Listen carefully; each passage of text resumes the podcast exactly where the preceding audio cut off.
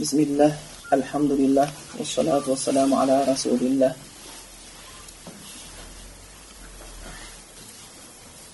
Alhamdulillah Alлахтың жәрдем имам науидің қырық хадисінің осынша тоғызыншы хадисіне келіп отырмыз бүгін сол сабағымыз содан жалғастырамыз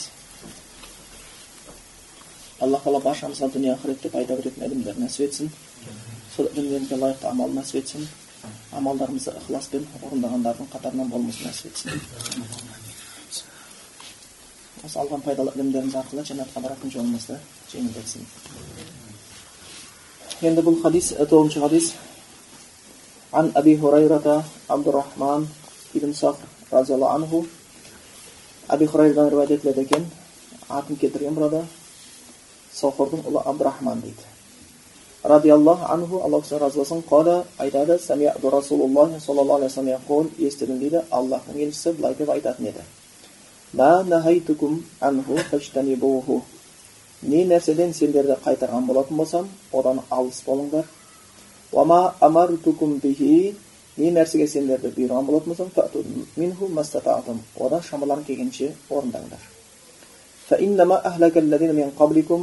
расында сендерден бұрынғыларды құртқан еді жойған еді. Не нәрсе сұрақтарының көп болуы және пайғамбарларға қарама қайшы келіп қалулары дейді. Бұл хадис бұхариде муслимда риуаят етілген екен. Енді осы хадиске кішігірім тоқталып өтейік. Енді бұл әби хурайрадан бірінші хадисі келіп отырған. Бұның ішінде көптеген хадис өзі әби хурайрадан риуаят етіледі. Әби хурайраның өмірбаяны туралы кішігірім тоқталып өтсек болады. Жалпы мұсылманшылыққа келген адамдардың ә, сахабалардың ішінде алғашқы сахабалар ретінде танитындардың біреусі әби хурайра. Көбісі сол кең таниды тіпті әби хурайра деген аттың сондай кең тараған соншалықты бұл өзінің шын аты емес күниясы иә қазақша айтқанда лақап аты. Ә, осымен танып кеткен шын атын көп адамдар біле қоймайтын еді. Бұл хадисті өте көп риуаят еткен сахабалардың бірі. Бұдан көп хадис риуаят еткен ешбір сахаба жоқ.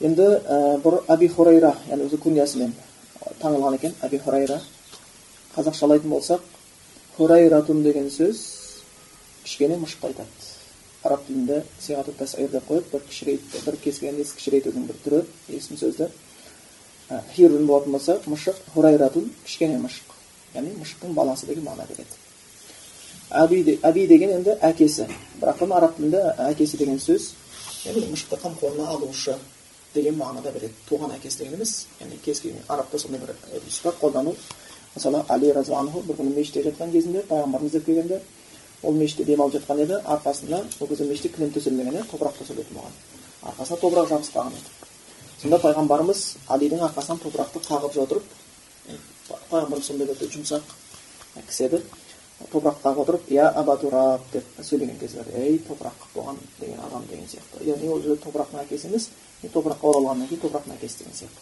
бұл арабтардың өз қолданысында бар сөз енді әби хурайраның әби хурайра аталып кету себебі бұл кісі өзі кедей болды сөйтіп жалданып бір кісінің малын бағатын еді сонда айтады бір кішкене жабайы мұшықтың баласын тауып алдым дейді жабайы мұшықтың баласын тауып алғаннан кейін ол оны қамқорына алып бір риwаятта енді жеңіне салып алған ол кезде киімдер жеңдері үлкен болушы еді ғой жеңіне салып алады өзі бала кез болған екен сонымен ойнайтын да болған сөйтіп қамқорына алатын болған екен содан оны көргендер әби хурайра деп атап кеткен екен мысықты қамқорына алып жүрген екен осы атпен содан танылып кетті өзінің шын аты ә, бұл кісі ислам дініне хижри жыл санауы бойынша жетінші жылында кірген жетінші жыл санауында кірген иә хижри жыл санауы бойынша йемендік бұл кісі ә, болады енді бұл кісі ә, сол ә, кісілермен бірге бірнеше топтың ішінде мұсылманшылықты қабылдайды қабылдаған кезде жасы қатты кіші болған жоқ отызға тақырап қалған кісі еді мұсылманшылықты қабылдайды пайғамбарымызға аты жөнін сұраған кезде өзінің алғашқы аты абдушамс болған екен аудармасы күннің құлы ал білесіздер пайғамбарымыздың әдетінде не сахабаларының қайсының аты дұрыс емес мағынасы дұрыс болатын болса атын өзгертетін атын өзгертетін яғни күннің құлы болғаннан кейін енді адамға аллахтан өзге нәрсе құл болуға болмайды сонда пайғамбарымыз оған атын өзгертіп сенің атың абдурахман деп қойған екен содан бұл кісі пайғамбарымыздың аты абдурахман деген атпен танылған бұл жерде имам навави ол кісіні сол пайғамбарымыздың қойған атымен келтіріп отыр абдурахман ибн сахр сахырдың сахырдың баласы деп енді бұл кісінің әкесіне байланысты таластар бар кейбіреулер сахар дейді басқа дейді бірақ кең таралған мәшһүр болған бізге осы сахардың ұлы абдурахман деп кеткен көптеген ә, кісілер мысалға осы жаңағы күниясымен яғни лақап аттармен таңылып сол атты көп қолдануға байланысты өзінің шын атын адамдар ұмытады иә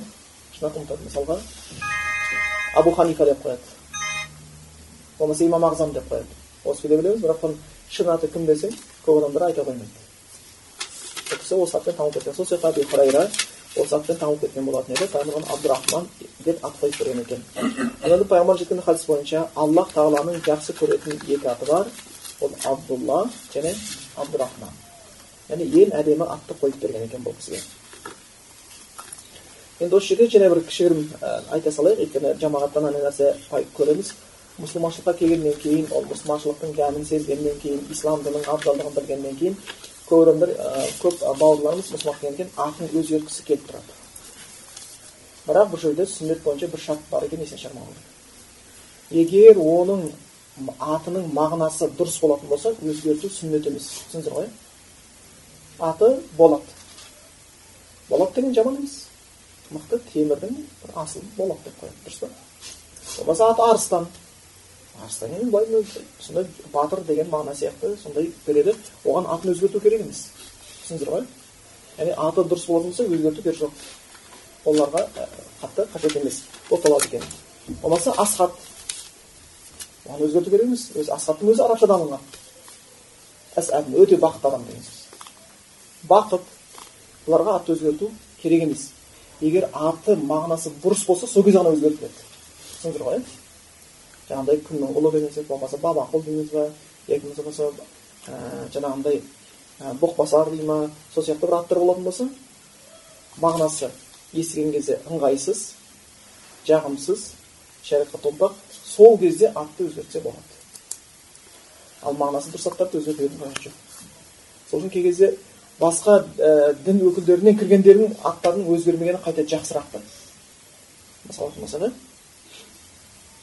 мысалы орыс тілінде иван ислам дінін қабылдаған болатын болса оған атын абдурахман болмаса абдулла али деп өзгертудің қатты қажеті жоқ иван деген сөздің мағынасы дұрыс болмаса ал иван деген ол қайта мағынасы дұрыс ат иә иван деген юнус пайғамбарды олар сол кезінде кейін иван деп кеткен негізі пайғамбардың аты сол үшін қарау керек мағынасы дұрыс болатын болса өзгертудің қажеттігі жоқ қайта мұсылман иван деп тұрса ол дағуат болады түсіндіңіздер ғой. Яғни бұл тек қана бір ұлтқа арналған дін сияқты емес қазақ пен өзбек дін емес бұл бүкіл адамзат баласына ортақ дін екеніне дәлел болады екен. Осы жерден бір нәзік бір байқам байқап кететін тұс ат өзгереді егер мағынасы дұрыс болатын болса. Сол үшін пайғамбарымыздың сахабаларының ішінде кейбір сахабалар болды пайғамбарымыз аттарын өзгерткен жоқ. Сол сахабасы болды ханзала. Ханзала шөптің аты. Бірақ пайғамбар атын өзгерткен жоқ. Ханзала ханзала күйінде қалып кетті оның атын өзгерте қойған жоқ сондықтан ат тек қана өзгертіледі мағынасы бұрыс болған кезде ғана енді бұл аби хурайра жаңағы ат өзі пайғамбарымыз қойып тұрған аты абдурахман екен бұл кісі сол мұсылманшылықты қабылдағаннан кейін өзі кедейлеу болды бірақ та мәртебесі сондай көтеріліп кетті сахабалардың көпшілігі оны мойындайтын еді жаттау қабілеті күшті болған бірақ алғашында жаттау қабілеті онша болған жоқ пайғамбарымыздың дұғасының берекетіменен жаттау қабілеті сондай күшті болды кейін естіген нәрсесін еш уақытта ұмытпайтын болды бұл кісі мұсылманшылықты қабылдағаннан кейін енді кедей болғаннан кейін алып бара жатқан жұмысы жоқ тіршілігі көп болмағаннан кейін бұл бүкіл сәтті пайғамбардың қасында жүруге пайдаланды деген сияқты ғалымдар айтқан сияқты пайғамбар қайда болса сонда болуға тырысты дейді да бірге тамақ ішуге бірге жүруге сапарда бірге болуға бұл сахабаға өзі бойына көптеген бір қасиеттер ерекшеліктер жиналған. Бұл сахабада фадлу хижр деп қояды хижрет қылудың сауабы бар да. Өйткені біз мұсылманшылықты қабылдағаннан кейін мединаға қоныстанды пайғамбардың қасына. Хижреттің сауабы бар. Фадлу джихад джихадтың ерекшелігі бар. Бұл кісі пайғамбарымыздың жалауының астында кәпірлермен соғысты. Бұның және фадл хадис хадис жағынан абзалдығы бар.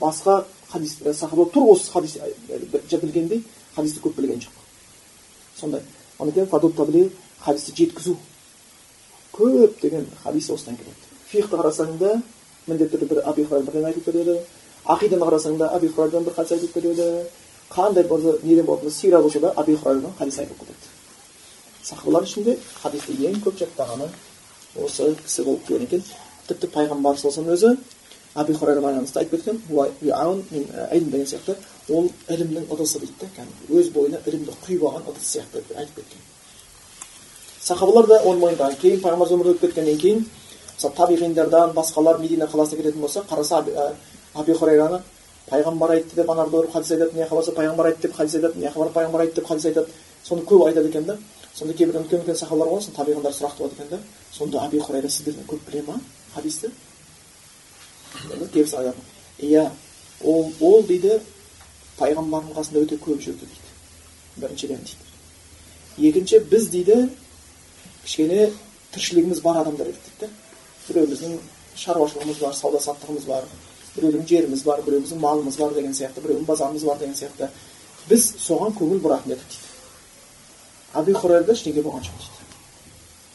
Ол бүкіл өмірін сауда саттыққа бизнеске шейін пайғамбардың қасына барып қойды дейді.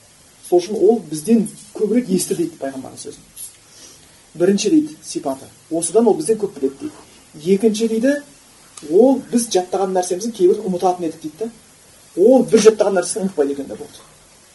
Естіді қалып кетеді естіді есінде қалып кетеді сондай оны өзі де айтқан болатын оған кейбір кісілер сіз неге пайғамбардан шілей көп хадис айтасыз? деген кезде неге басқа көп айтпайды? деген кезде ол да сөйтіп айтқан мен күнту мискинан кедей болдым. Менің жұмысым болған жоқ ғаламда менің бар жұмысым осы ілім іздеу ғана болды дейді да. Пайғамбардың қасында жүріп. Сол кей кезде бұдан да қарасақ кей кезде дүние тіршілігі қалай ма қаламай ма адамнан уақыт алады. Сол үшін бұрынғылар балаларын ерте бастан құран жаттауға бергісі келеді содан болған да. Өйткені өздеріңіз байқайсыздар адам жасы ұлғайған сайын жұмыс көбейеді өзі кішкентай кезінде сен үшін біреу қамқор болып жатыр кейін сен өзіңді қамқор қылуың керексің одан кейін оқу болу керек жұмыс істеу керексің кете береді. Одан кейін бала шаға одан кейін үйленесің одан кейін туған туысқан одан кейін құда біреу қайтыс болады оған бәріне бармасаң көрініп қаласың и өскен сайын сенің тіршілігің көбейе береді. Өскен сайын тіршілік көбейе береді. Сол үшін уақыттың былай айтқанда бос уақытты пайдаланған адамдар ең ақылды адамдар солар. Бос уақытты пайдаланған адамдар ең ақылды адамдар солар болып табылады екен. Енді бұл кісі кедей болғанда да сондай сабырлы еді бұл кісінің өмірін оқыған адам өте таң қалады енді сахабалардың дін тарату кезінде оңай болған жоқ көптеген сахабалар қиындықты көргенін білеміз тіпті аби хурайрадан сондай бір не келтіреді менің қарным ашқан соншалықты кей кезде аштықтан басым айналып құлап қалған кездерім болған дейді қасымнан кейбір кісілер мәжнун мынау жынды ма деп өтіп кеткен кездер болған ал мен келе жатып кәдімгі аш болып құлап қалғанмын дейді сондай дәрежеде күй кешкен бар бір неде келтіреді қатты қарнымыз ашты ашқаннан кейін кешкі уақыт еді ұйқым келмей сыртқа шықтым дейді. Қарасам бір кісілер сахабаларды көрдім дейді. Олардан не жүрсіңдер сұрап едім ашпыз деп айтты дейді. Мен де ашпын деп айттым дейді. Сосын бұлар енді ұят та болса пайғамбар мұхаммад үйіне келеді. Өздерін аш екенін айтады. Пайғам ол кезде енді көп адамда тамақ жоқ. Пайғамбарымыз жаңа не істейді? Құрманы алып келіп әрқайсысына екі талдан құрма, құрма береді. Екі құрма екі құрма екі құрмадан береді. Енді қазір ойлап қараңыздаршы қандай заман болған да жаңа пайғамбар айтады сумен қосып ішіңдер дейді да сумен қосып ішіп отырыңдар дейді екі құрма бізге ол жесек қарымызға түспейтін сияқты көріп отырамыз ғой дұрыс па нарда қалып кеткен сияқты тоймаған сияқты бірақ сондай аш заман еді бір құрманың өзі оларға үлкен нұр болып есептелінген енді көптен берейін десе жетпейді өйткені тағы да аш адамдар бар сонда жаңағы хадисте келеді аби бізге екі құрмадан берді дейді сонда дейді ә, сахабалардың бәрі екі құрманы жеген кезде аби бір құрманы жейді бір құрманы өзімен алып алады пайғамбарымыз байқап қояды сұрайды ей аби хурайра неге ана құрманы өзімен алдың дейді неге екеуін де жемедің дейді үйде шешем бар еді соны алып барамын деп дейді шешесі ашып шешесін ойлап бір құрмаға қанағат қылып бір құрмасын шешесіне әкеліп бара жатыр да пайғамбар же дейді да анаңа екі құрма беріп жіберемін дейді жіберемін дейді міне бұл кісілер сөйтіп жүріп дін алды сөйтіп жүріп дін таратқан кісілер болатын енді біздің кезімізде шынымен де сондай бір молшылық уақыт болды аллах тағала ол үшін бізге қолға алмаса екен деп сұраймыз сол тоқшылығымызға қарай соған қарай әйтеуір құлшылығымыз да дұрыс болса екен деп аллахтан өтінеміз сондықтан шүкірлігімізді көбейтіп отыру керек әсіресе мына заманда мына заманда өте көп шүкірлігімізді көбейтуіміз керек екен сонда аби хурайра ә, сол жаңағы асхаб суффамен де бірге тұрды. Тіпті бір хадисте келеді риуаят етіледі. Ә, жаңағы аби хурайра айтады бір күні қатты қарным ашты. Не істерімді білмедім да абу бәкір сыдық келе жатыр екен. Соған енді тамақ берші деп айтуға ыңғайсыздандым оған дейді мен бір сұрақ қойдым дейді. Иә абу бәкір құраннан бір аят бар еді. Соның бір тәпсірін сізден сұрайыншы деп едім дейді да. Сонда ойым ол кезде жол үстел емес олар үйіне барып отырғызып айтатын деп ойлады үйіне барған екен бірдеңе жейміз ғой деген ой болды дейді да бірдеңе жермін бірдеңе ішермін деген ой болды дейді абу бәкір сыдық оны толық түсіне қойған жоқ абу бәкір сыдық оған кейінге қалдырып өтіп кетті омар келді омар да айтты құран үшін арнайы отыру керек жұлдыз болмайды деп ол да кетіп қалды кейін пайғамбарымыз келе жатты дейді әбу айтады мен үй алдым дейді пайғамбардан сұрауға өйткені ол ілім сұрап отыр ар жағында бір кішкене тамақ су ішіп аламын деген ой ғой пайғамбардан сұрадым дейді ал пайғамбар мұхаммед саллаллаху өте байқамбаз адам дейді мына жомартты ә, арабтарда екіге бөлінеді сахи әжуат деп сахи жомарт сұрасаң береді әжуат деген сұрамай беретін адам бұл ең жоғарғы жомарттықтың белгісі пайғамбарымыз сұрамай беретін адам еді сондай дәрежеде одан алған адам алып жатқанға ұқсамайды өзі беріп жатқандай рахаттанып беретін болған да ешқандай міндетсінбей берген нәрсесін мына жомарттың беретін кісі еді пайғамбар оны оның жүзінен байқайды да әби хурайра жүр үйге дейді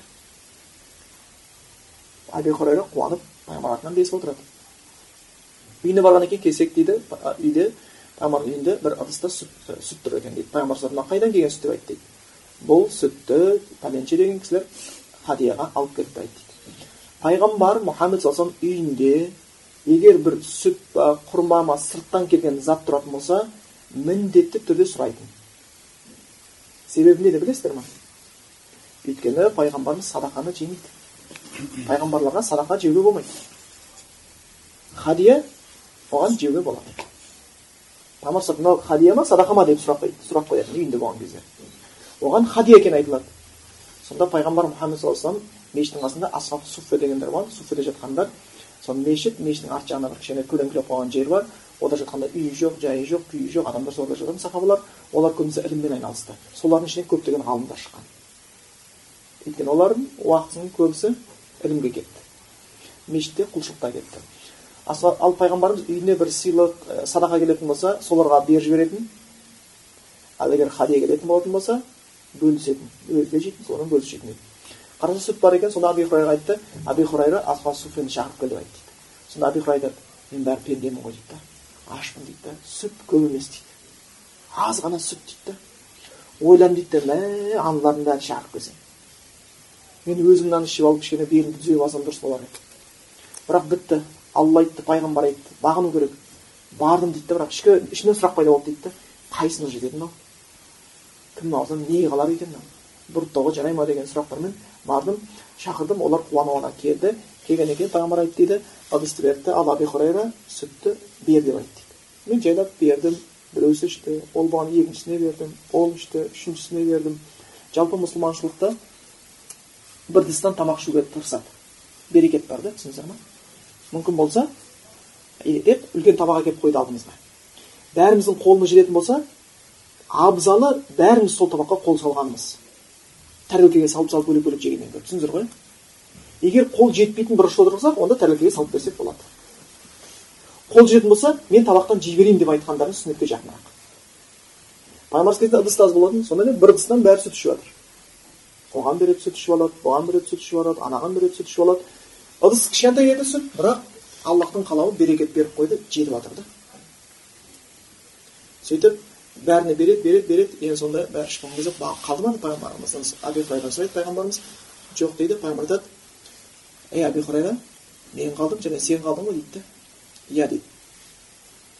Сосын пайғамбар айтады енді сен сүт іш дейді. Сосын аби хурайра содан кейін барып сүт ішеді. Ішіп ішіп алған кезде енді қараса әлі сүт бар екен. Ішіп жатыр ішіп жатыр соны ішіп болғаннан кейін пайғамбар тағы да іш дейді. Пайғамбар біліп тұр ғой аш екенін ол қуанады да тағы да ішеді. Енді өзім ішемін. Жалғыз өзі іше берейін десе ыңғайсыз ғой?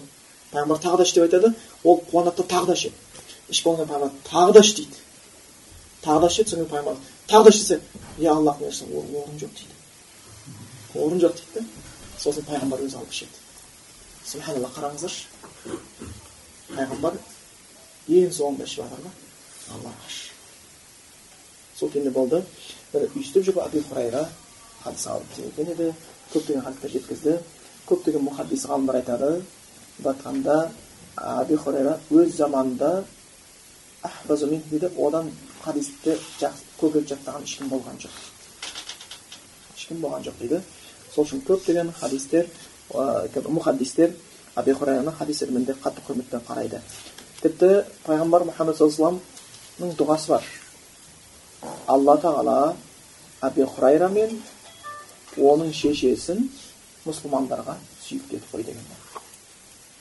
осыған қарап кейбір ғалымдар айтады. Әбу хурайраны жек көретіндер мұнафиқтар дейді бірақ кейін топтар пайда болған әбу хурайраны жамандағысы келген топтар пайда болған. Өзі шайтанның әдісі мынандай бір әдісі бар. Қайсы бір адам дінге аллахтың дініне көп қызмет жасаған болатын болса қалай болса соны жамандау керек. Неге? Өзгелер көп тыңдап қоймасын деп о сақ болсын деп. Дін тарап кетпесін деген мақсатпен ал енді аби хурайра кейбір ғалымдар бойынша діннің жартысы аби хурайра дейді да көп хадис сол жеткізген дейді ол дұшпандардың аби хурайраны жамандаған мақсаты дінді ойсыратып тастау еді да аби хурайра жанашыр адам өте ә, мысалға оның ә, жаңағы кедей болғанын болмаса біреуден барып екі құрма жегенін сондай бір әркімге бір сұраншақ қылып көрсеткісі келіп ә, сондай бір жаман ә, тәкап хадисті қайта қайта айтқанын мақтаншақ қылып көрсеткісі келіп тәкаппар қылып көрсеткісі келген адамдар пайда болған. Оны жамандағысы келген ондағы ойлары негізі әби хурайраны емес. Әби хурайраның білімін жауып тастау үшін түсіндіңіздер ғой адамды жек көрсең ілімін алмайсың. Адам жек көрсең ілім алмайсың. Бұрынғылар ұстаздарына ілім алуға барған кезде аллахтан дұға қылып баратын болған екен. Алла ұстазымыздың кемшілігін бізге көрсетпе деп өйткені адам әлсіз оның кемшілігін көрсе көңілі суиды көңілі суыса ілімін алып тастайды шайтан ол осы әдісті өте жақсы пайдаланғысы келген сол үшін адасқан топтардың ішінде бидағатшылардың көбісінде әбу хурайраны жек көру деген нәрсе бар солардың біреусі шииттердің ағымдарының біреусі олар әбу хурайраға лағнет айтатындар бар жек көреді ал бірақ әбу хурайра біз білеміз оның мәртебесі өте жоғары көптеген хадистерде риуаят етілген қайсы бір хадис кітап болатын болса да оның ішінде әбу хурайрадан риуаят етілмей хадис келмей жазылған ешбір кітапты көрмейді екенбіз бұл кісінің келтірген хадистері тәпсір бабында да бұл кісінің келтірген хадистері фих бабында да бұл кісінің келтірген хадистері ақида бабында да тіпті бұл кісінің келтірген жаңағы хадистері сира бабында да өте көп орын алады екен енді сол кісіден жеткен хадистер не деп келеді ол кісі айтады екен мен естідім дейді бұны қалай айтқанымызда естідім деген сөз хадистің сахихтығын күшейтеді өйткені өзім құлағыммен естідім деген сөз ғой. Айтты десең пайғамбар сен естіп айтқызып айтсаң болмаса біреу арқылы айтқанын жеткізіп жатрсың мен өзім естідім пайғамбардан деген сөз. Пайғамбар айтты дейді неден сендер қайтарған болатын болсам деген қайтарған нәрсені тастай салды емес жолама деген сөз да иштина жолама дейді. Неден қайтарсам оған жолама дейді уама амартукум бихи ал не нәрсеге бұйырған болатын болсам одан шамалары келгенше орындаңдар дейді осы жерде қарайық қайтаруға келген кезде бірден қайдырған нәрсенің бәрін таста деді да жолама деді ал бұйрықтарға келген кезде шаман келгенше орында дейді бұйрықтың бәрін орында деген жоқ шаман келгенше орында өйткені күнәні тастау бір жаман кейбір жаман істі тастау оңайырақ құлшылықты бастағаннан. Түсіндіңіздер ғой құлшылықты бастағаннан гөрі жаман істі тастау кейбір адамдар үшін оңайырақ болып қалады. Біріншіден екіншіден тыйым етілген нәрселердің саны аз бұйырылған нәрседен гөрі. Қарасақ тамаққа келетін болсақ аллах тағала бізге бүкіл сусынның бәрін халал етті да харам еткені аз ақ қой дұрыс па арақ шошқан еті арам өлген мал ал жеп ішетін тамақ өте көп біз оны кітапқа жазсақ есімізге көбісі түспей де кетуі мүмкін да осы отырғандарымыздың әлі аллахтың халал еткен нәрсесінің қаншасын жеген жоқпыз жегеніміз аз ақ қой дұрыс па жемегеніміз әлі қанша осы арамызда отырғандардың ішінде суда жүретін ана сегіз аяқты жегеніміз бар ма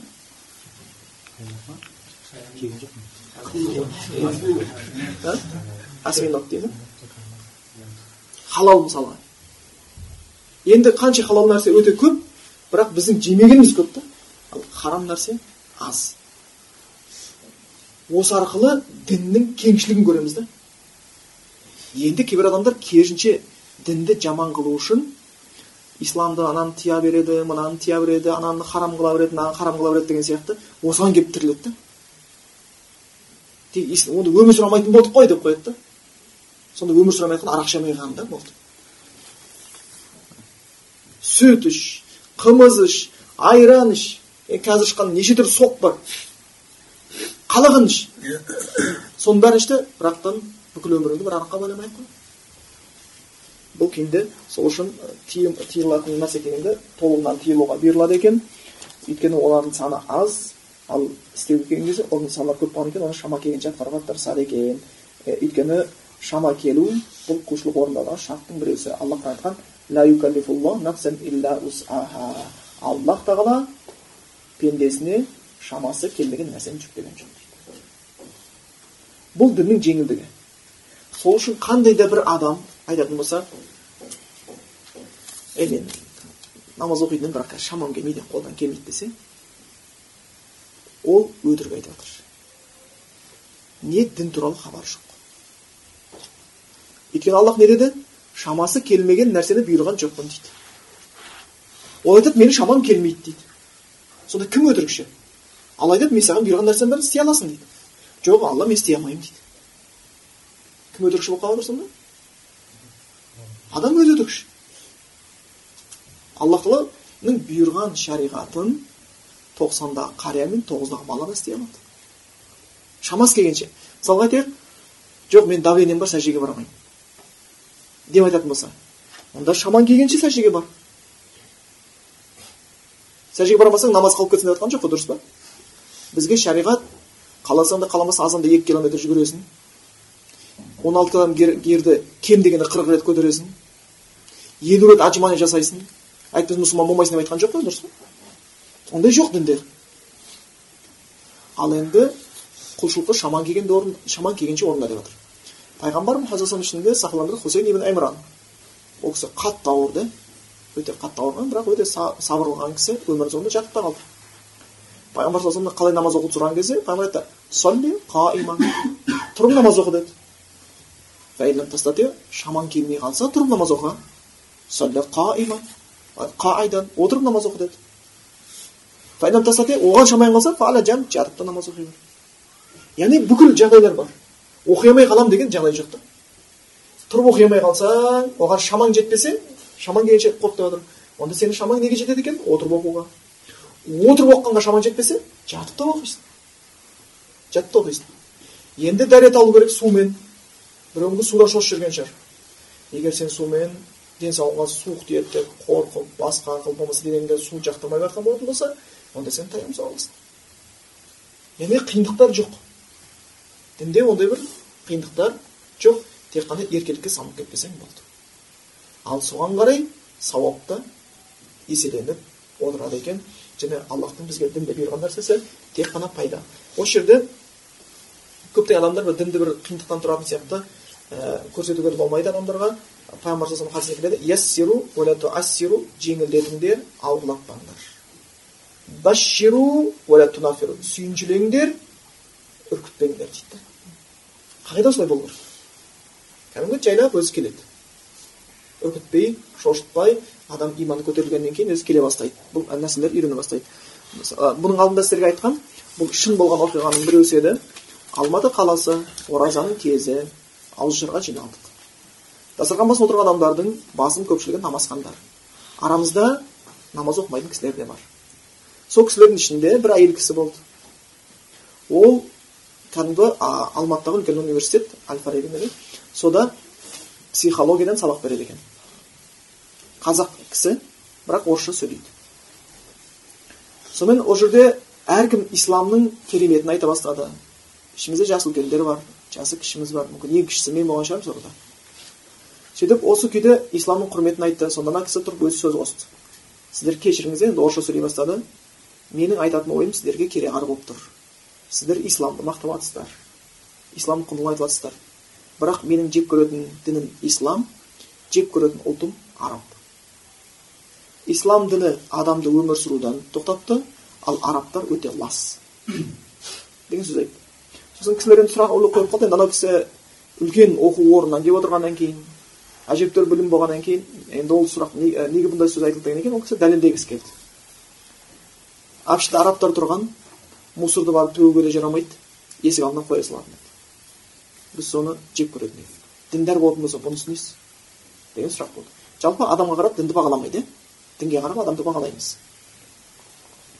екіншіде де ислам діні деді орысшада запрещает это запрещает то запрещает это запрещает то идти как лев в клетке свободу забирает дейді у человека тыйым бәріне сосын елдер үндемей қалды сосын мен сұрақ қойдым әпке ренжімеңіз а че запрещает ислам деп сұрақ қойдым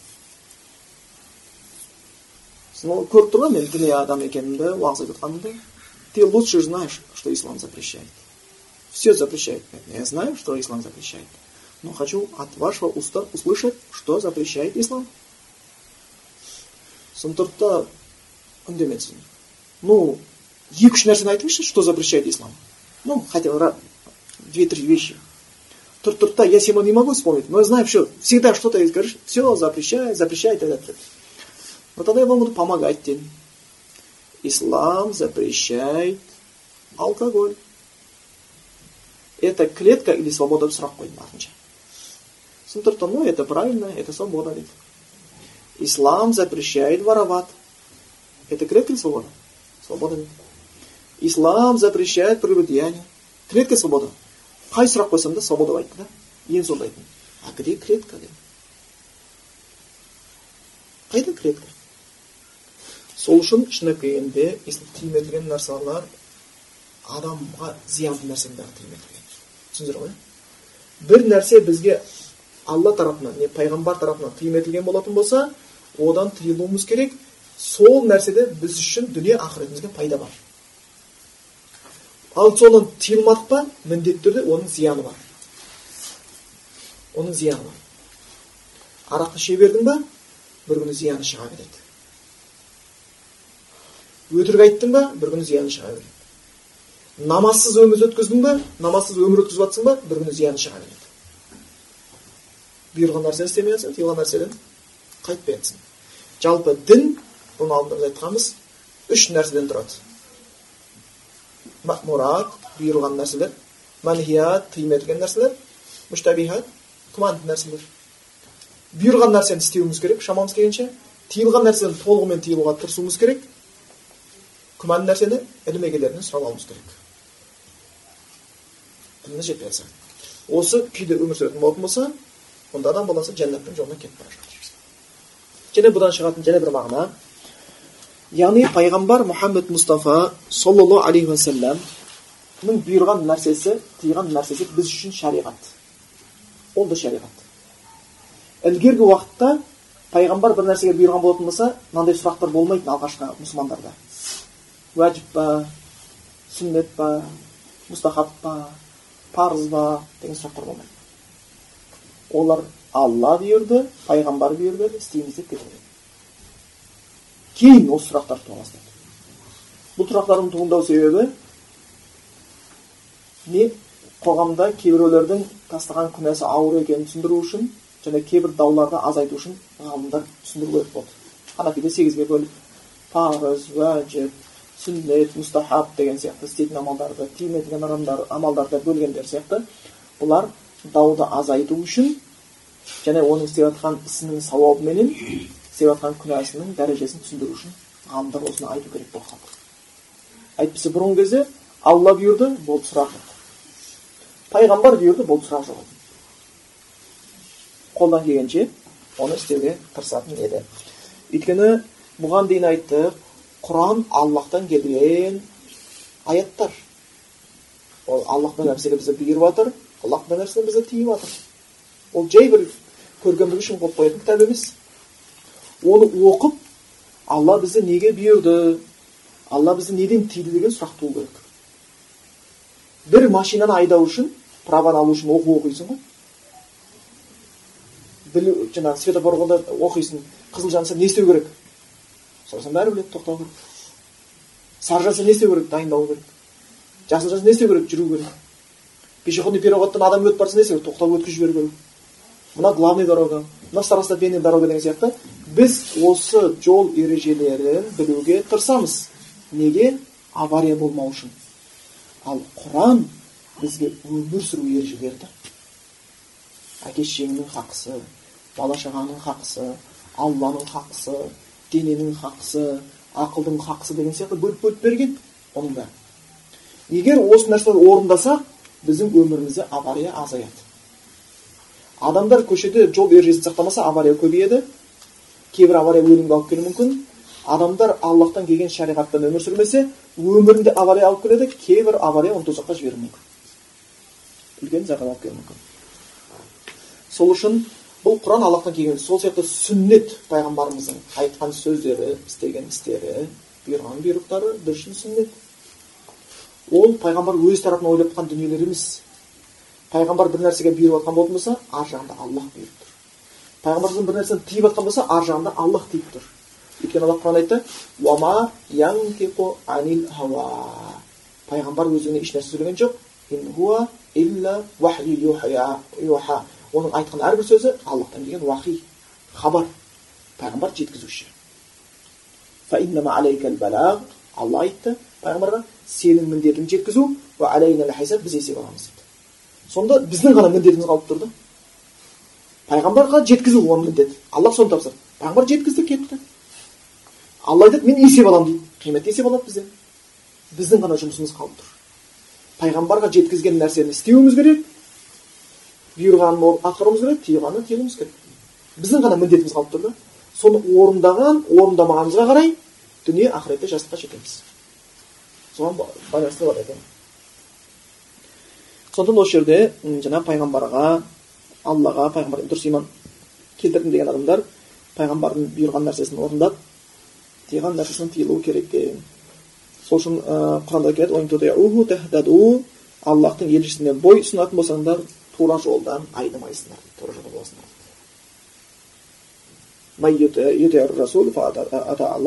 кімде кім аллахтың елшісіне бойсұнса аллахқа бойсұнған болады дейді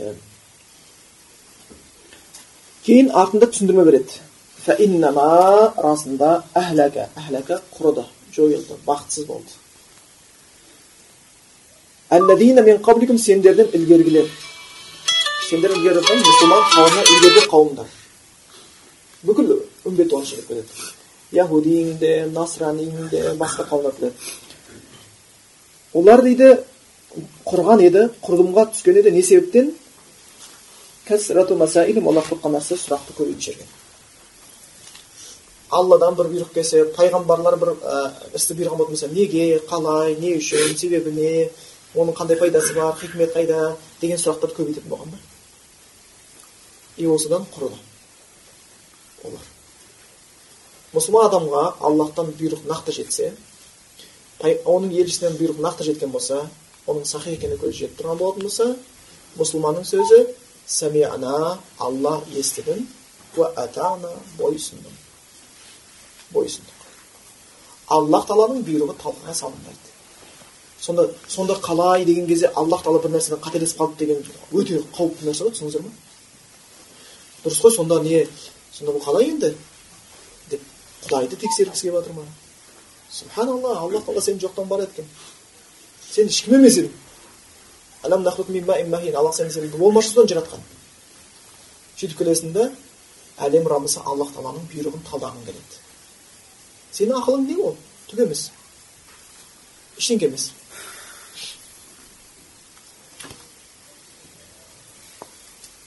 Сол үшін бұл ә, сұрақ мәселесінде де ә, жаңағы сақтық болу керек бірақ сұрақтарды жалпы бөлінеді. Пайдалы сұрақтар бар пайдасыз сұрақтар бар. Оны былай деп бөледі екен. Бір сұрақ бар. Білмегенін білу үшін сұрайды мақсаты күнәдан тыйылу мақсаты сауапты іс істеу мақсаты жәннатқа жақындау мақсаты тозаққа түсіп кетпеу осы мақсатта сұрақ қояды бұл дұрыс сұрақтар ондай сұрақ қоюшыларды алла тағала құранда көп айтқан иә олар әйелдің ай сайын көретін етеккі қан жайында сұрайды кейін жауап келді адамдар сұраған аллахтан жауап келді олар сенен арақ пен құмар ойындар жайында сұрайды сұрады жауап келді өйткені бұлар білгісі келді аллах дұрыс жауабын берді да олар сол арқылы өздеріне жақсылық алып келіп отыр сонда сұрақтың біріншісі білмеген нәрсеңді біліп құдай алдында құлшылығыңды дұрыстау бұл дұрыс сұрақтардың қатарына кіреді сұрақтың екінші түрі бар сұрақтың екінші түрі ұстазы шәкіртіне бір ілімді үйретеді артынша келесі күні болмаса сол сабақта сұрақ қояды ол дұрыс түсінді ме екен түсінбеді ме білу үшін түсіндіңіздер ғой тексеріп мен үйреткен нәрсені дұрыс түсінді ма деп сұрақ қойып оны біледі бұл ұстаздың шәкірті тәрбиелеудегі қоятын сұрақтар бұл да жақсы сұрақтардың қатарына кіреді үшінші сұрақ бар екі адам отыр екеуіне ол мәселе ешқандай қиын емес біледі бұл ағамыз да бір нені біледі ә, мен де бір нәрсені білемін бірақ ел білмейді отырғандар елге ә деп әңгімені бастайын десең ішінде ей бізге ақыл үйретпесейші деген адам пайда болып қалуы мүмкін тыңдамайды пайда болуы мүмкін сонда болмаса бір адам ол істің жауабын біледі бірақ ода жеткізу қабілеті төмен өзі адамдар болады хадисте де келеді ғой ілім алатын адамдарды бөледі жерге ұқсатады пайғамбарымыз бір адам бар дейді жер дейді сондай жаңбыр жауса дейді ол жаңбырды бойына сіңіреді ондай топырақ сіңіреді да және өзінен көптеген жеміс дәнді дақыл өсімдік шығарады ол өзі сіңірді және елге берді бір адамдар болады ілімді алады және ілімді айта алады түсіндіңдер ғой екінші адам болады ол ілімді алады бірақ айта алмайды. Ол бір қатты жерге ұқсайды. Ол өзіне ілімді жинап қалады одан біреу сұрақ келсе жауабын береді кәдімгі су жиналып тұрады келеді біреу алып кетеді бірақ ол өздігінен инициатива танытып айтып кете алмайды. Ондай бір көсемдігі шешендігі жоқ. Үшінші адамдар болады. Ол сор сияқты да жер. Жаңбыр жауса бойына да сақтамайды. Сынып кетеді не? Шөп те шықпайды. Түк те шықпайды.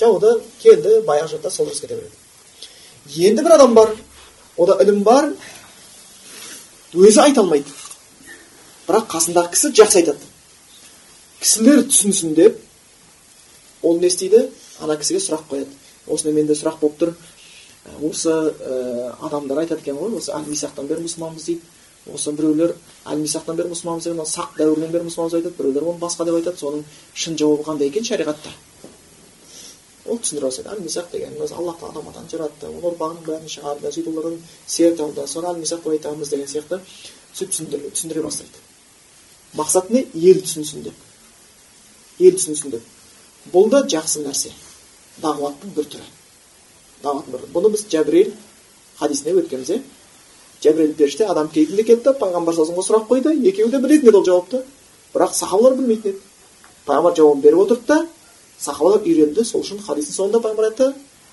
жибрил ол жәбірел періште атакум келді сіздерге үйретіп кетуге сонда бұл адам ілімі бар бірақ тілі жатық емес шешендігі жоқ болмаса оны ел тыңдамайды онша сыйламайды тыңдайтын адамға сөйлетіп еді ел тыңдады сауапты мына адам алып кетеді түсіндіңіздер ғой сұрақ қойған адам алып кетеді сол уағыз айтқандай болады түсіндіңіздер ғой ол екі есе сауап алады да. Бірінші риядан өзін сақтап қалады. Екінші ілім жетіп кетеді. Бұл сұрақтың үшінші түрі. Бұл да өте пайдалы. Енді сұрақтың және бір түрі бар. Сұрақтың және бір түрі бір адам бір адамға сұрақ қояды. Бір іші пысқаннан шұқылап қырсығып құдайдың бұйрығын істегісі келмей сұрақтар қояды да. Қашқақтап сонда арақты шариғатта харам ете ма иә? Бірақ енді қараңызшы енді өзі арақты енді түсінемін ғой енді шариғатта харам еткен ғой.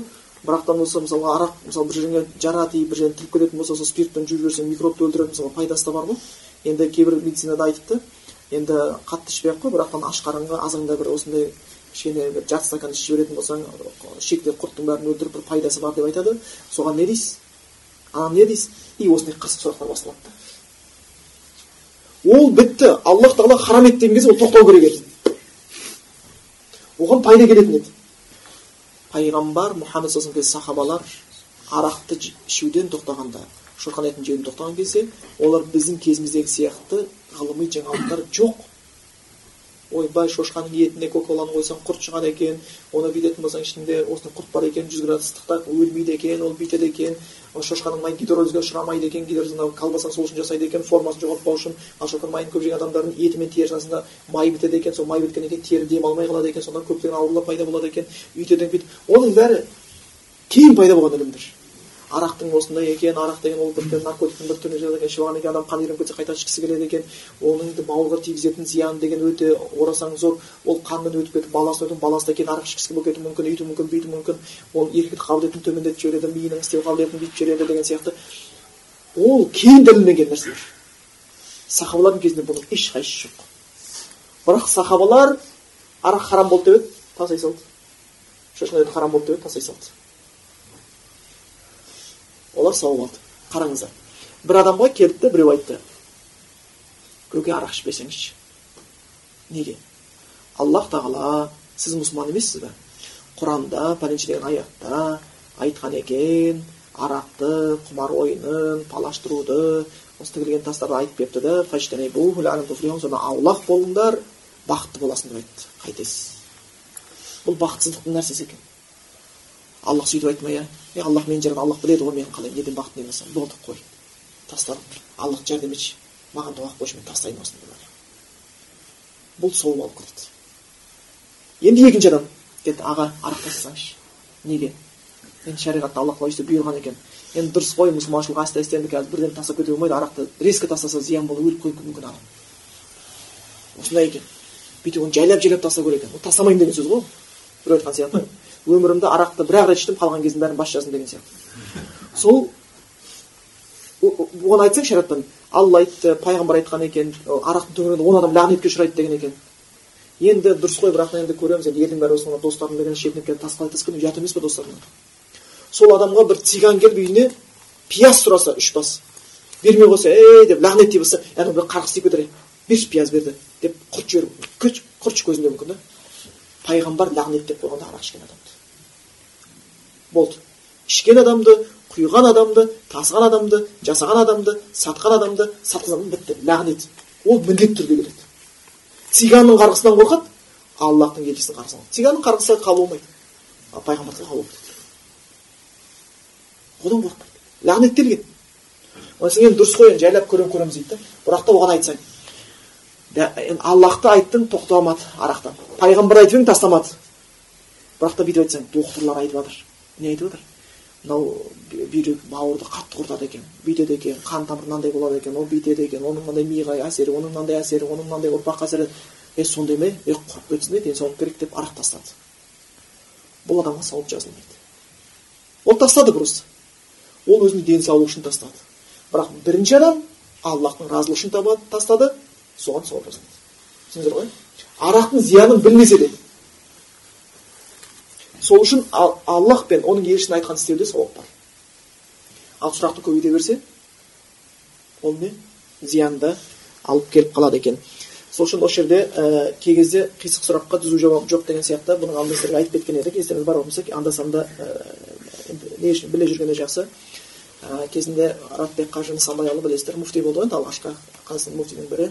Дастархан басып отырған кезде ислам жағы елдер жағына келіп жатқан кеше ғана кеңес өкіметі астынан шыққан кез арақ деген сондай бір үрдіске айналып кеткен тойсыз арақсыз той өтетін болса той деп есептемейтін дәрежеде сондай ішіп алып әйтеуір құдаларды күткен жақсы күткен адам сол мас қылып құлатып жылатып пұтына сүйгізіп жіберсе ой қатырлық деп айтатын болған да.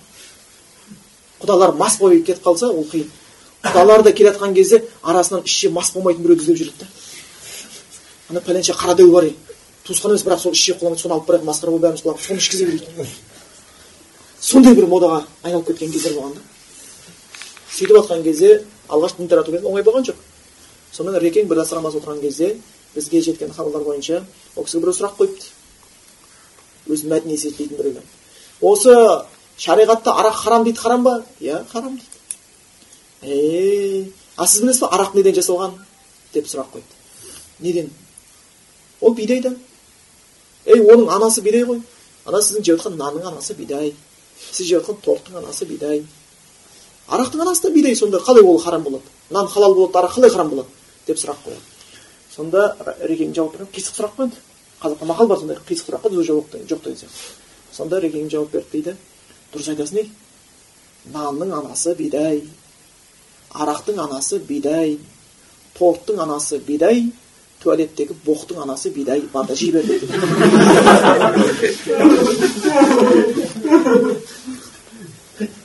өйтіп алдануға болмайды да сондықтан сұрақтың және бір түрі бар ол қандай істемеуге сылтау үшін қойылатын сұрақ түсіндіңіз ғой иә бүйтіп қалсашы анадай болып қалсашы ана біреуге келіпті бір шал кісі намаз оқитын еді аяғын жуамын деп көтеріп құлап жамбасын сындырып алыпты сол жақсы ма бұның бәрі сылтау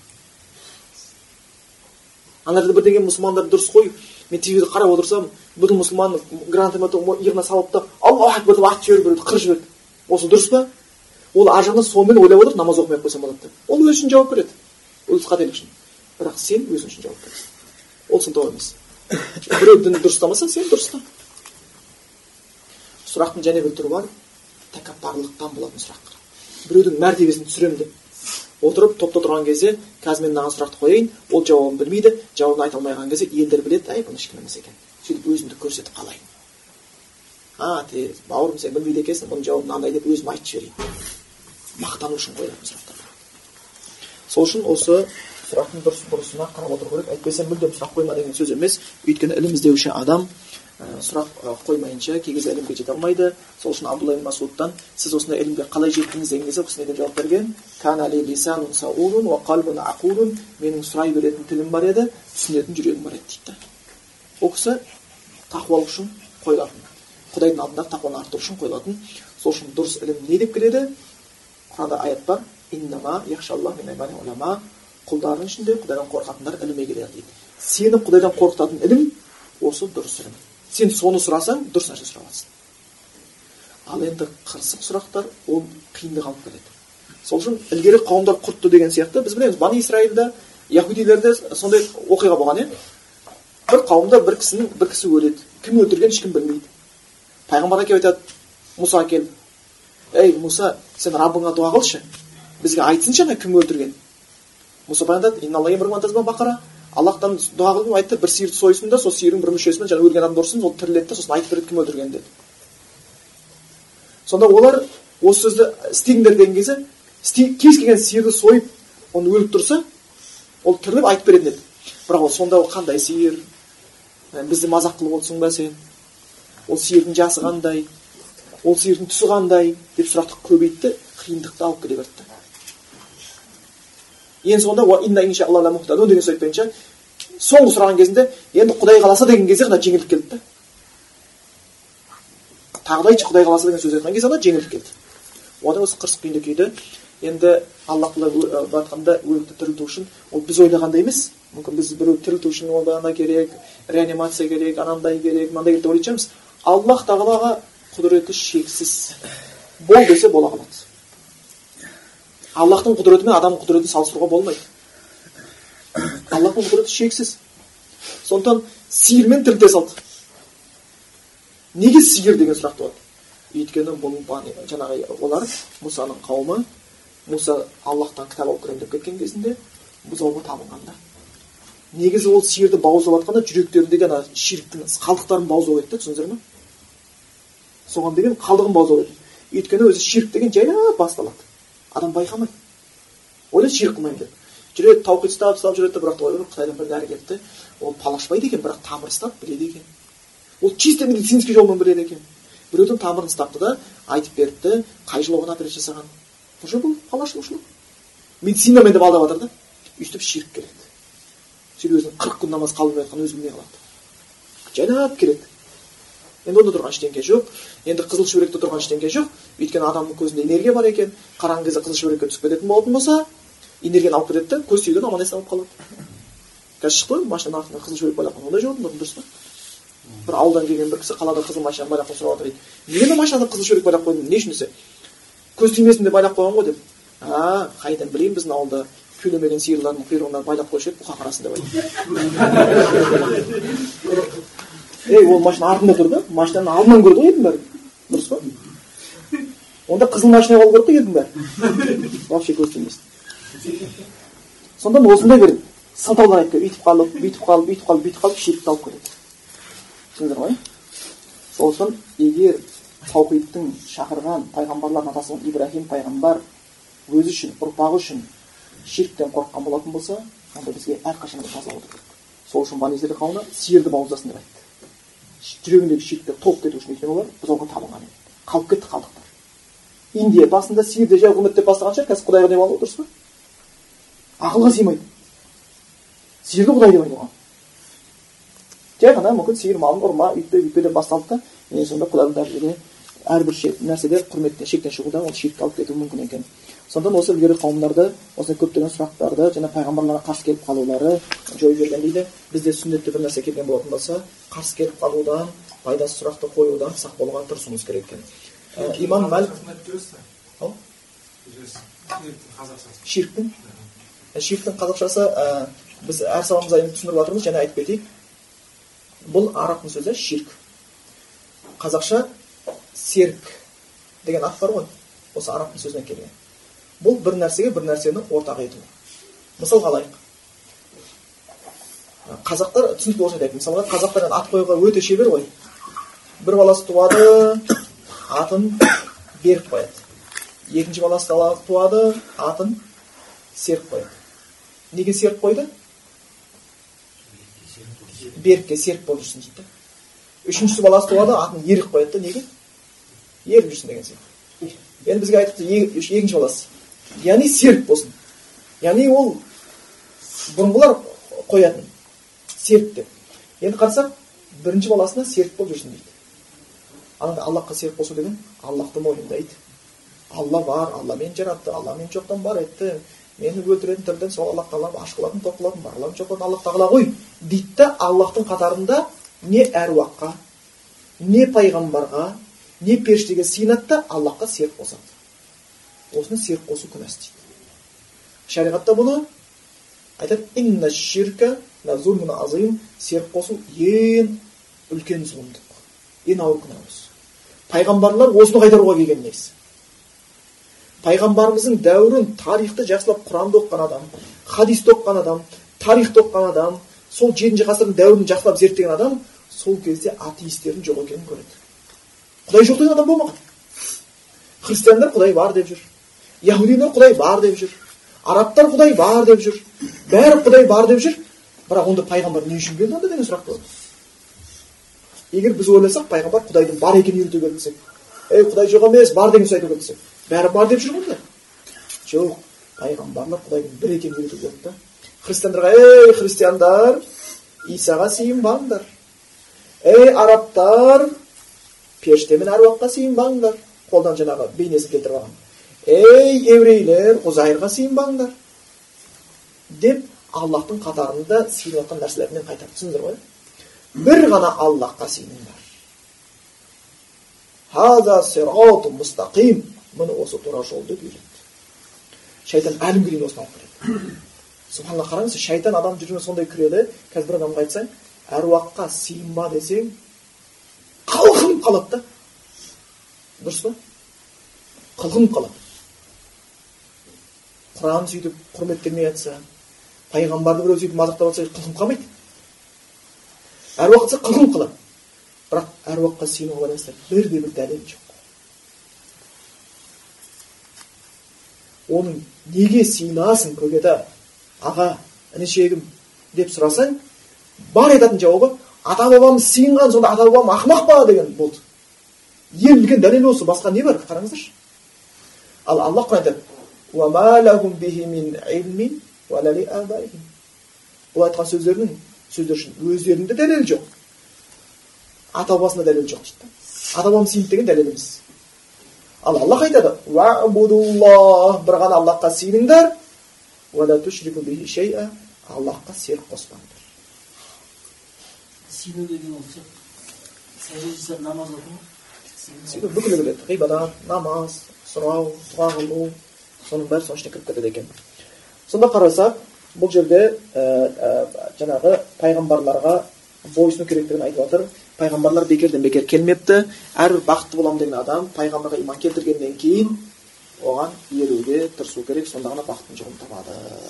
Шынымен де қарасақ жәннаттың жолын ең жақсы білгендер пайғамбарлар ол жолмен жүріп өтті және ол жолды көрсетіп кетті ол жолға белгілерін қойып кетті ол жол қай жақта екенін сөздермен айтып кетті енді біз тек қана солмен жүріп отыру керек болды осыны пайғамбар айтты ма иә ти деді тыйыл деді ма тыйыл болды ешқандай пайғамбар айтқан нәрседен шошайтын нәрсе жоқ өйткені хадисте келеді алла тағала қандай пайғамбар жіберген болса да ол пайғамбарға міндеттелген нәрсе адамдар үшін хайырлы жақсы болған нәрсені үйрету және адамдарға зиян болған жаман болған нәрседен қайтару сол үшін пайғамбар осыған бұйырды деген нәрседе бақыт бар қайтарды деген нәрседе зиян бар болып табылады екен.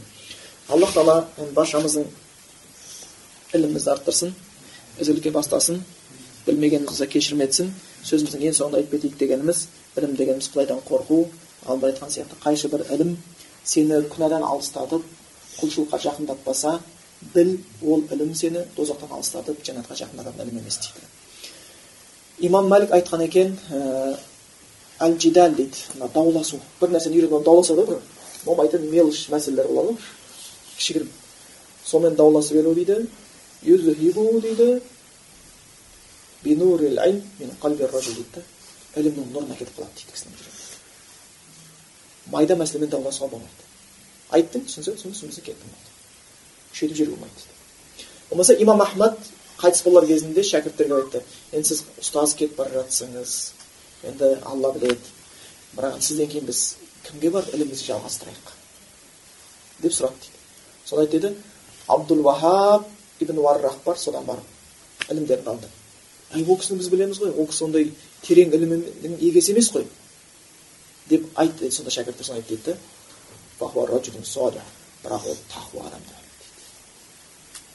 яғни тақуалық бірінші орында тұрады түсіндіңіздер ғой тақуалық бірінші орында тұрады өйткені тақуалық болмаса ілімменен фитна шығаруға болады ілімі болып ақылағы жоқ адамның жасайтын фитнасы ілімсіз адам жасайтын фитнасынан үлкен болады өте ауыр болады сол үшін олар тақуалыққа жұмсалу керек сол енді аллах тағала шынымен де бізге дұрыс ілімдерді нәсіп етіп ол ілім біздің жүрегімізге сіңіп тақуалығымыздың артуын нәсіп етсін. Алла тағала осы шаңыраққа берекет берсін жақсылық берсін. Алла құранда айтқандай құранның аяттарынан мейірім шипа жақсылық жаудам деген екен. Ол жақсылық шипа осы шаңырақта осы отырған баршаңызға біздерге қатысты кісілерге бірінші орында әке шешелерімізге біздердің бауырларымызға әйелдерімізге бала шағаларымызға туысқандарымызға дарысын. Subhanə Allah bizə dünyanın axirət mücahidlərinə gedib nəsib etsin. Subhanə Allah bihamdidə şərvədlə ilə ilə dəstək.